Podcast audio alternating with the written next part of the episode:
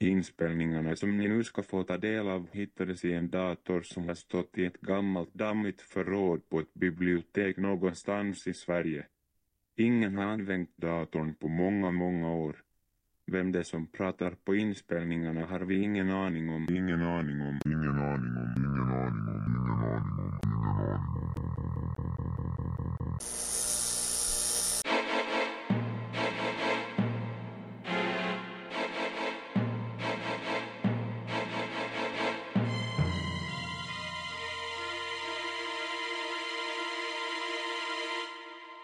Mina vänner, jag såg just en fruktansvärt obehaglig film. Jag hade satt mig till rätta i fåtöljen med en stor skål popcorn i famnen. Men jag reste mig snabbt igen efter bara några minuters filmtittande. Jag darrade i hela kroppen och popcornen åkte genast i soptunnan. Filmen hade gjort mig illamående. Nu blir ni säkert nyfikna. Undrar kanske vad filmen hette. Jo, den hette Min semester 1972. Mallorca. En alldeles vidrig film.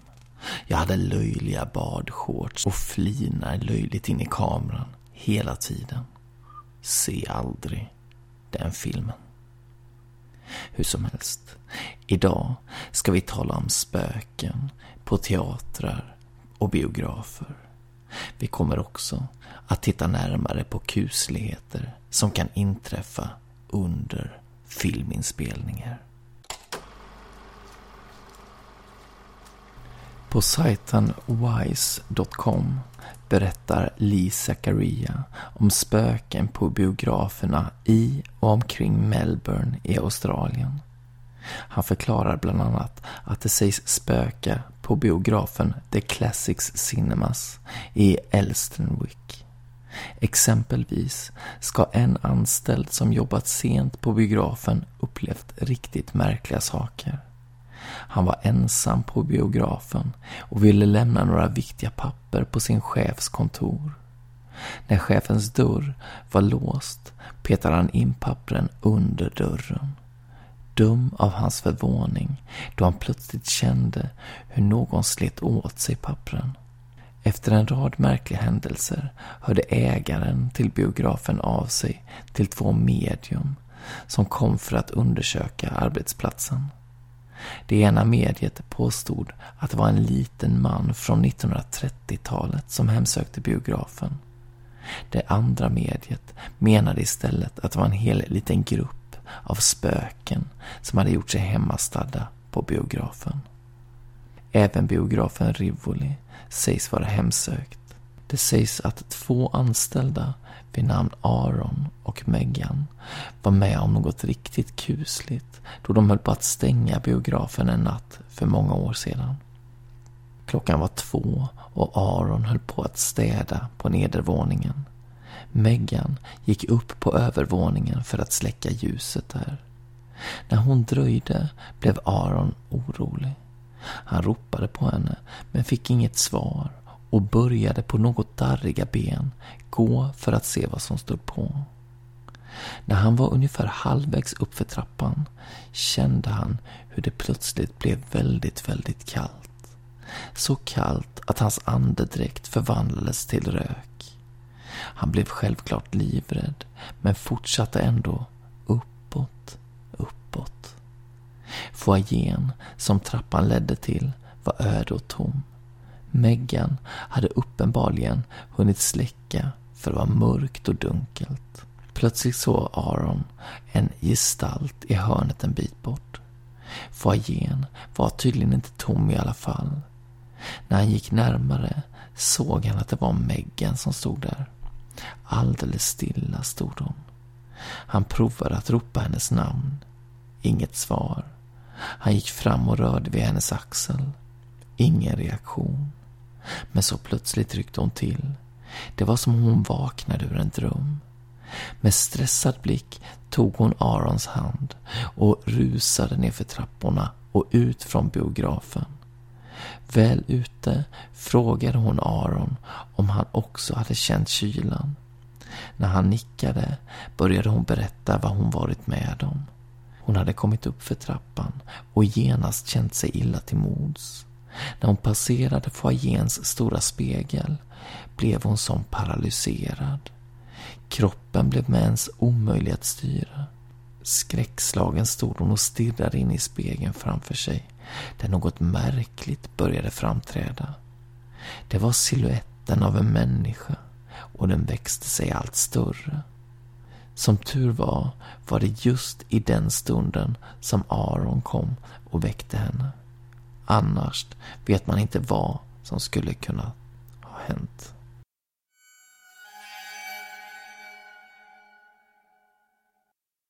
Signaturen Null Saxo gjorde 2004 ett reportage i Ystads Allehanda. Reportaget heter Spöket på Ystads teater och jag tänkte läsa ur detta reportage nu. Teatern i Ystad har ett eget spöke, en kvinna. Ingen känner till hennes namn, men hon finns där. Oftast längst upp på tredje våningen. Vissa anställda går ogärna dit ensamma, framförallt inte på kvällar och nätter. Jag har aldrig sett henne, andra har gjort det, berättar scenmästare Martin Windmill. Och han skämtar inte. Historierna om den okända kvinnans närvaro är otaliga och orsakar kalla kårar hos den mest hårdhudade. Scenmästaren erkänner utan omsvep. Han känner själv starkt obehag ibland. Precis som städerskan, kanslisten och andra i personalen. Många har blivit skrämda av henne. När jag är siste man i huset och går omkring och släcker och låser, då är det kusligt. Särskilt när det blåser och viner. Martin Windmill upplevde spökfenomenet första gången i början av 1990-talet. Då såg han något mycket märkligt. Dörren in till vinden stod alltid öppen. Där fanns ingen belysning eller elektricitet på den tiden. Huset var ganska mörkt och kallt. Efter föreställningen, just när jag var på väg att lämna scenen, så tittade jag upp och såg ett starkt ljussken från vinden. Hela dörröppningen var upplyst, försäkrar Martin Windmill. Oförklarligt. Kanslisten Maria Linde har varit med om en annan kuslig händelse. En gång för några år sedan satt jag i det gamla kaféet och sorterade affischer. Plötsligt hörde jag att någon gick med högerklackade skor längs gången utanför. Man hörde hur stegen närmade sig en av dörrarna som leder in till kaféet. Men just den dörren brukade alltid vara låst. Det visste alla, berättar Maria Linde. Vem fanns på andra sidan dörren? Säg det. Någon som tydligen ville komma in till Maria Linde i alla fall. Personen som stod utanför ryckte i dörrhandtaget gång på gång. Först trodde jag att det var en av mina kollegor och ropade Ulla, den dörren är ju alltid låst, det vet du. Ingen som svarade. Och egentligen visste jag att ingen av de anställda gick i högklackat. Maria Linde blev rädd, särskilt efteråt. Det slog mig att klackarna inte hade ändrat klang. Personen gick på trägolv hela tiden. Det är omöjligt. Man kan inte komma fram till dörren utan att passera mattor. Det går liksom inte. När jag insåg detta så blev jag jätterädd. Det var så att nackhåren reste sig. Efter den skräckfyllda upplevelsen i kaféet har Maria Linde i möjligaste mån undvikit att gå upp där igen. Även folk utifrån har varit med om konstigheter på teatern. Ibland har skådespelare kommit in och ställt sig på scenen och sagt Ni har någonting här. Andra säger att allt står inte rätt till eller något i den stilen damernas omklädningsrum är ett av gengångarens favorittillhåll. Grejer flyttas, fönster öppnas. Ingen vet hur. En operasångerska flydde hals över huvud från logen, vettskrämd av spökerierna. En annan kvinna som höll på med broderier blev rädd när hon upptäckte att någon hade bättrat på hennes arbete i ett obevakat ögonblick. Jag jobbade som brandvakt på scenen en gång tillsammans med en kollega.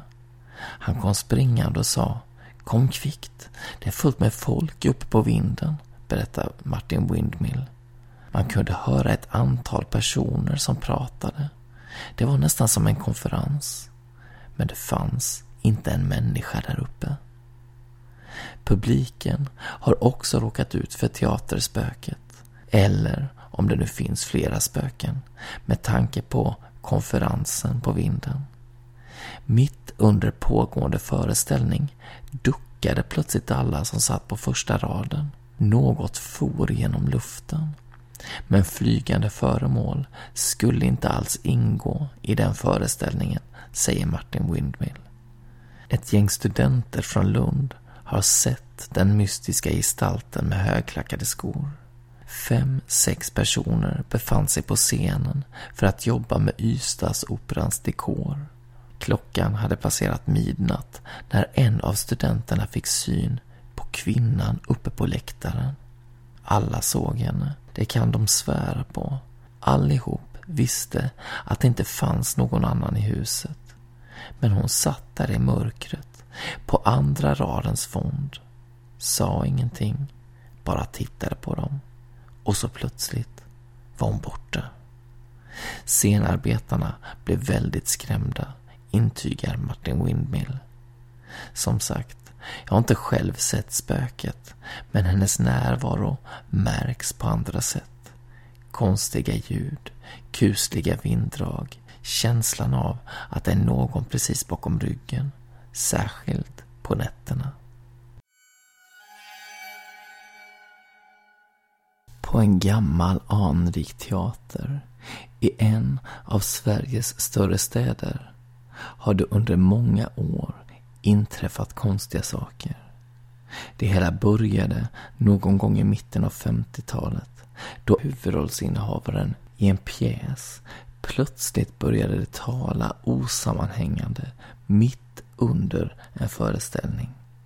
Ett vidrigt mord, så hemskt och onaturligt, vrålade han och väste sedan 1921 13, 13, 1, 18, 5. Om och om igen tills han blev buren av scen av två starka scenarbetare. Pjäsen avbröts och lades senare ner. Regissören förklarade att huvudrollsinnehavaren hade arbetat alldeles för hårt med pjäsen och att han därför blivit tvungen att sjukskriva sig. Händelsen glömdes snart bort, men många år senare var det dags igen. Under en passionerad kärleksscen i slutet av en föreställning inför en stor publik slet sig den kvinnliga huvudrollsinnehavaren ur sin motspelarens grepp och började istället skrika Anna Maria 1921 13, 13, 1, 18, 5 medan hon förvirrat sprang fram och tillbaka på scenen. Man fann till slut ingen annan råd än att fälla ridån. Skådespelerskan kunde efteråt inte själv förklara vad som inträffat. Hon mindes bara att hon plötsligt hört en tydlig röst inne i sitt huvud som talade om för henne vad hon skulle säga och göra. Den allra otäckaste händelsen inträffade dock många år senare. Mitt under en komisk scen som skulle utspela sig i ett restaurangkök lyfte plötsligt den ena skådespelaren kniven som han just hackat morötter med och började attackera sin motspelare samtidigt som han mumlade 19, 21, 13 13 1 18 5 Skådespelaren greps men kunde aldrig riktigt förklara varför han handlat som han gjort. Rösten var så stark. Den ville att jag skulle göra det, förklarade han.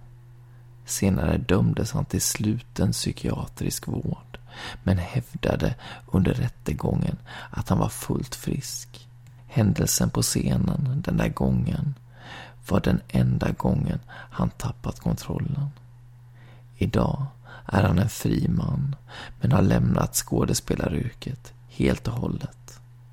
Det är enkelt att se dessa tre händelser som enskilda fall där människor satta under hård psykisk stress förlorat förståndet under en kort stund. Polisen har inte utrett händelserna på något annat sätt. Tror man dock bara det allra minsta lilla på det övernaturliga är det inte svårt att hitta andra förklaringar.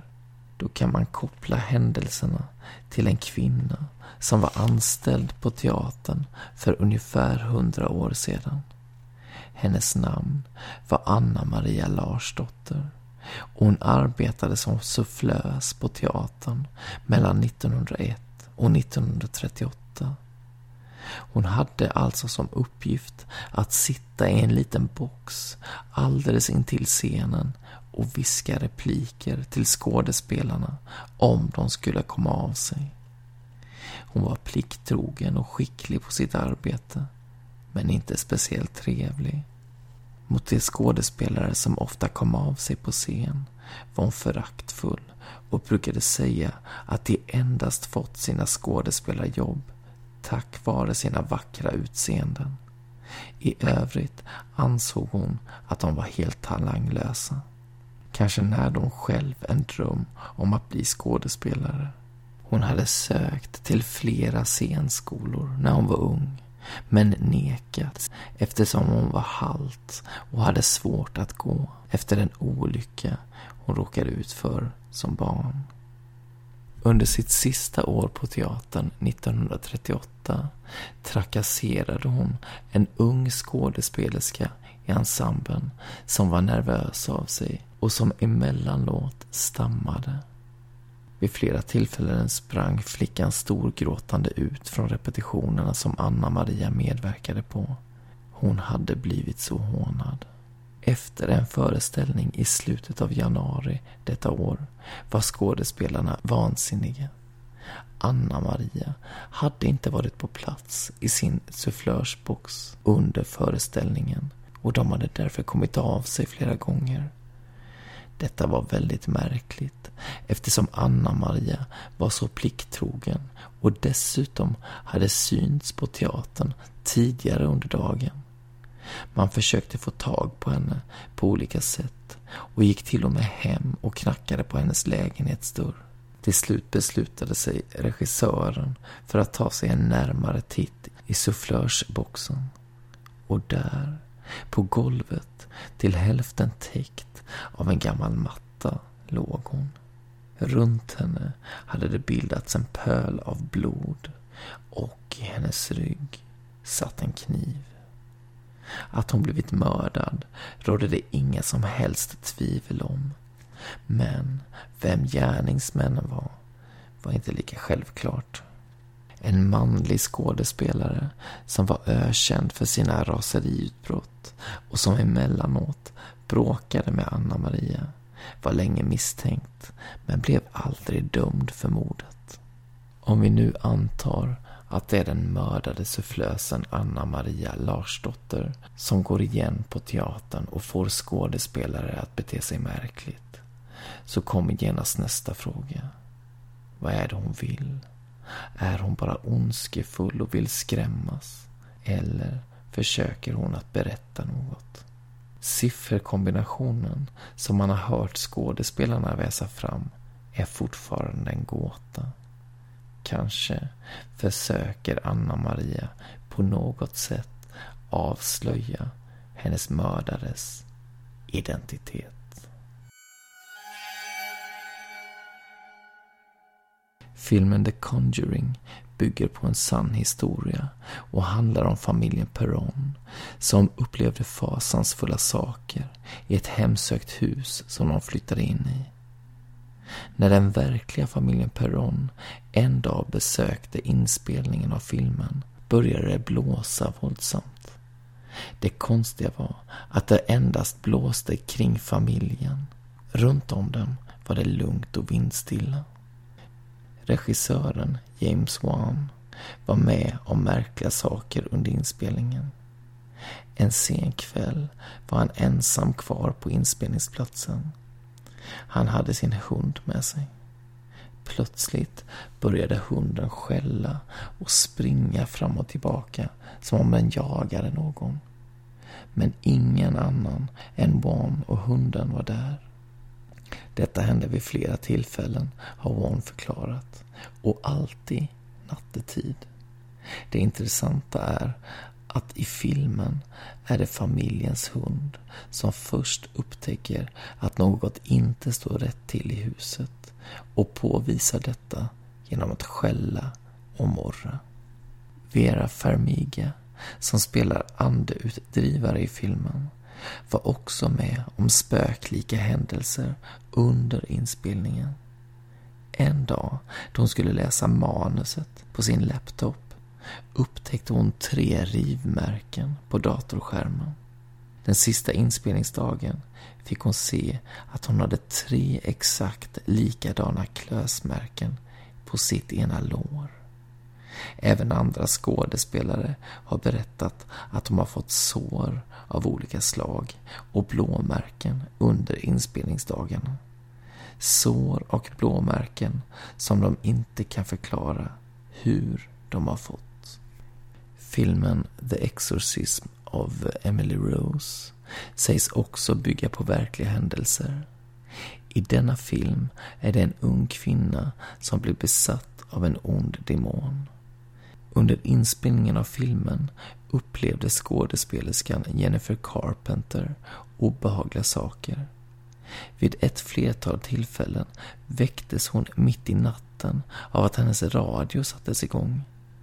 Varje gång som det hände var det en och samma låt som spelades, nämligen Alive med Pearl Jam. En väldigt bra låt, men Jennifer tyckte att det var olustigt. Särskilt som radion enbart spelade upp samma parti ur låten om och om igen. Gång på gång fick Jennifer höra Eddie Vedder vråla I'm still alive.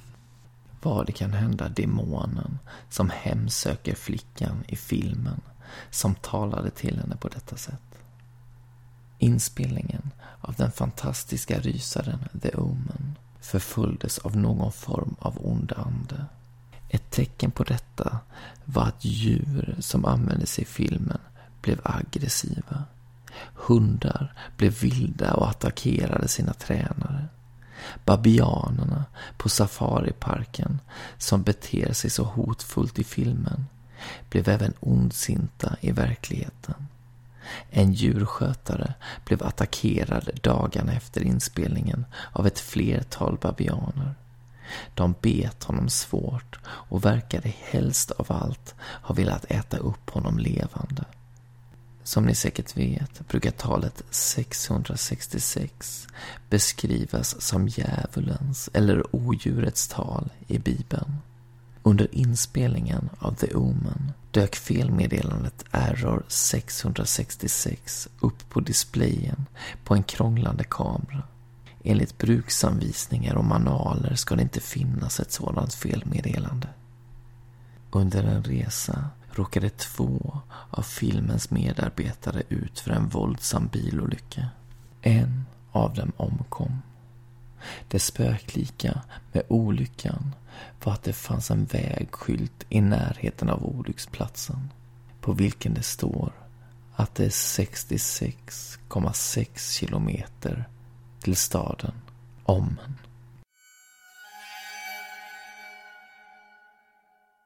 Jag ska avsluta med att läsa ur Norra latin av Sara Bergmark Elvgren. När vi kommer in i handlingen sitter två av bokens viktigaste personer Clea och Tim och pratar. Jag är elva år och Tim och jag sitter i varsin ände av den röda soffan som brukade stå i vardagsrummet. Nu står den i mitt rum. Utanför den stängda dörren hörs musik och de vuxnas stimmiga röster och skratt. En svag lukt av cigarettrök letar sig in. Till slut är det alltid någon som röker inomhus på mammas fester. Det är släckt i rummet. På soffbordet står min dator. Skärmen visar en kvinna som ligger på en säng. Hennes kropp kröks i våldsamma kramper. Hon vrålar som ett vilddjur. Två män håller fast henne. Tim vill alltid kolla på skräckfilm. Jag både vill och inte vill. Jag ligger vaken på nätterna efteråt och bilderna hemsöker mig. Ändå kan jag inte låta bli att titta. Skräcken får det att pirra i hela kroppen. Det är som att åka berg och dalbana. När jag kollar med Gabby, Angelica och mina andra tjejkompisar brukar vi skrika och gömma oss bakom varandra. Vi skriker och skrattar tillsammans tills vi inte vet vad som är skrik av skratt och skrik av skräck.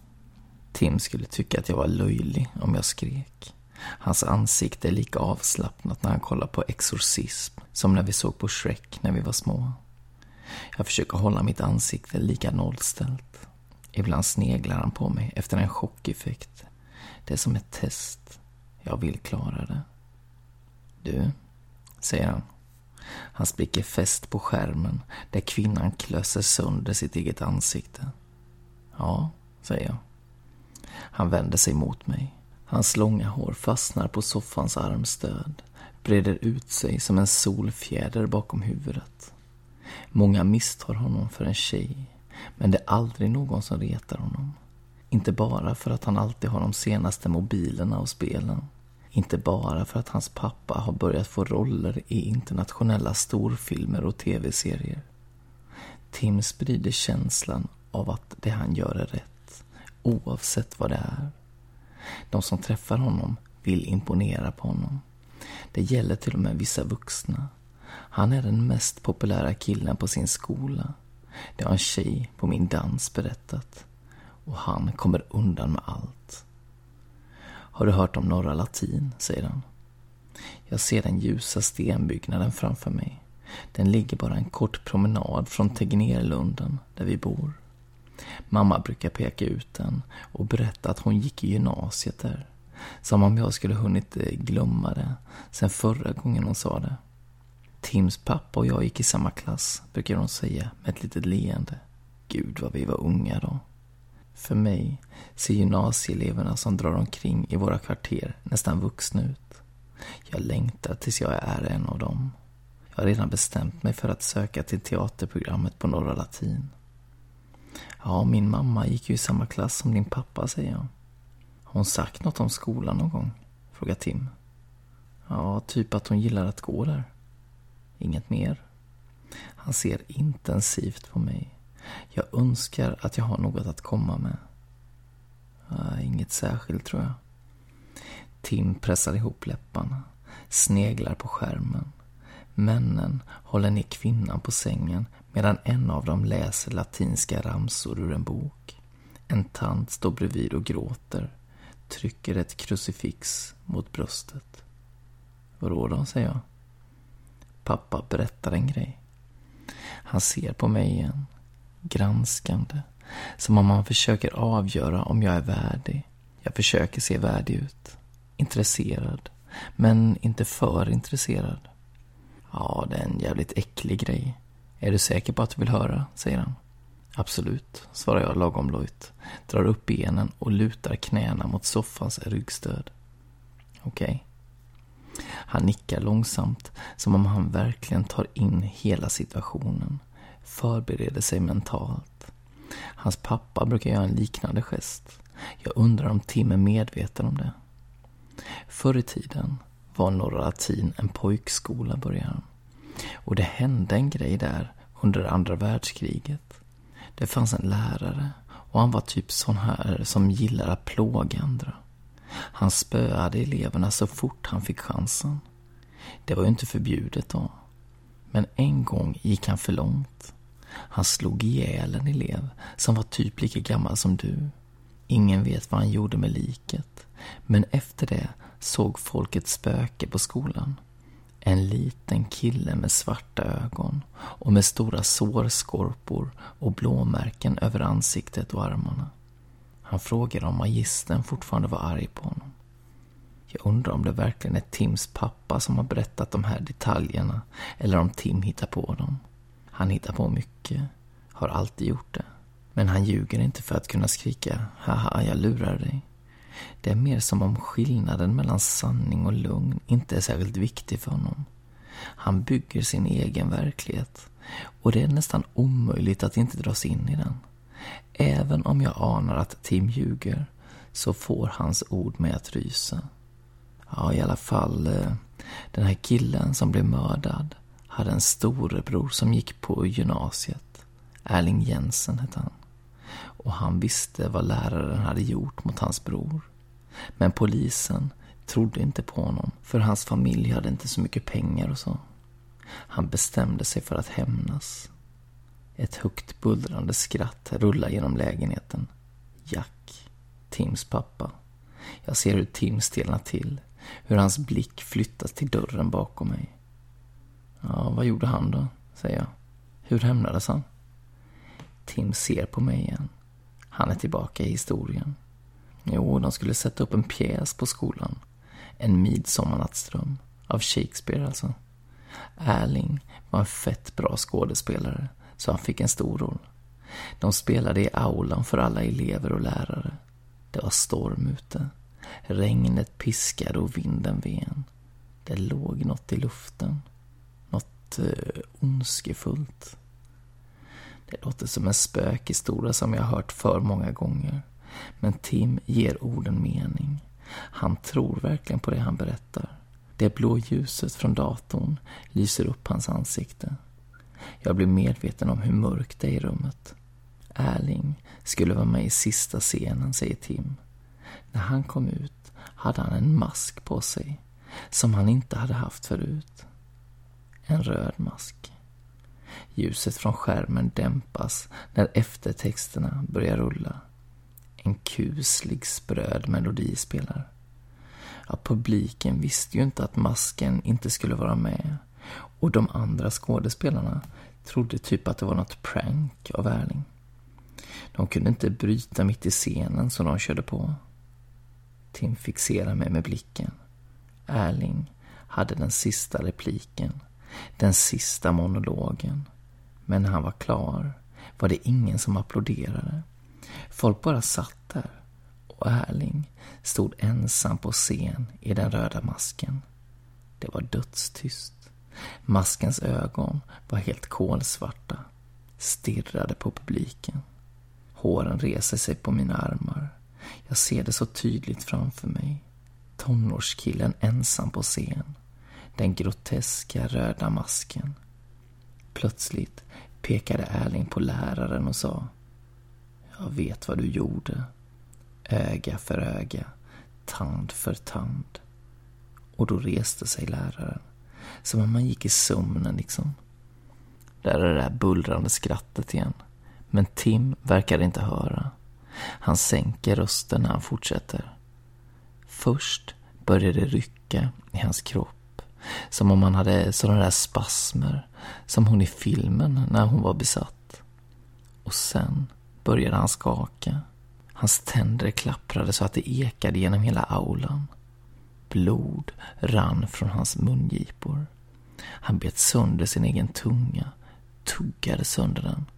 Och sen började blodet rinna från hans näsa, hans öron, hans ögon. Var det ingen som gjorde någonting, avbryter jag, för jag vill inte höra mer. Det gick så snabbt, säger Tim. Ingen fattade vad som hände. Och plötsligt rasade läraren ihop. Huvudet slog i stengolvet och hans skalle krossades. Järnsubstansen skvätte. Kroppen skakade ett tag, men sen blev den stilla. Blodet fortsatte rinna, men han var död. Skärmen har gått ner i viloläge. Det enda ljuset kommer från gatlyktorna utanför fönstret som kastar långa skuggor genom rummet. Vad hände sen, säger jag, och min röst är inte mer än en viskning. Det blev kaos. Alla sprang ut från aulan. Ambulansen kom. Polisen. Men läraren var ju död. Och Erling var försvunnen. Försvunnen? Tim nickar. Jag vill tända en lampa, men jag vågar inte röra mig. Sista gången någon såg honom var när han stod på scenen. Ingen såg honom gå därifrån. Ingen av de andra skådespelarna. Ingen i publiken. Han var bara eh, borta. Jag drar upp knäna mot hakan och slår armarna om benen. Längtar till mamma. Hon står säkert i vardagsrummet omgiven av en skara beundrare. Berättar en historia med sin varma röst som jag kan lyssna på i timmar. Den sjungande finlandssvenskan som vissa säger låter så mysig, alternativt som ett Mumintroll. Fast ingen bett om deras åsikt. Ingen kunde förklara varför läraren dog, fortsatte Tim. Andra elever berättade om Erlings lillebror och att Erling hade pratat om att hämnas. Men polisen hittade inga bevis. Det gick bara en massa skumma rykten. Vad då för rykten? Att det fanns en demon i den där masken. Att demonen dödade läraren åt Erling och fick Erling att ta livet av sig efteråt. Tim sänker blicken, drar med fingret över den röda soffkudden. Folk har sett honom på Norra Latin. En svart skepnad med röd mask. En vaktmästare såg honom och blev galen. Och en tjej som gick i våra föräldrars klass, vet du vad hon skrev i sitt självmordsbrev? Tims finger slutar röra sig. Han tittar upp och möter min blick. Jag är inte hans sista offer.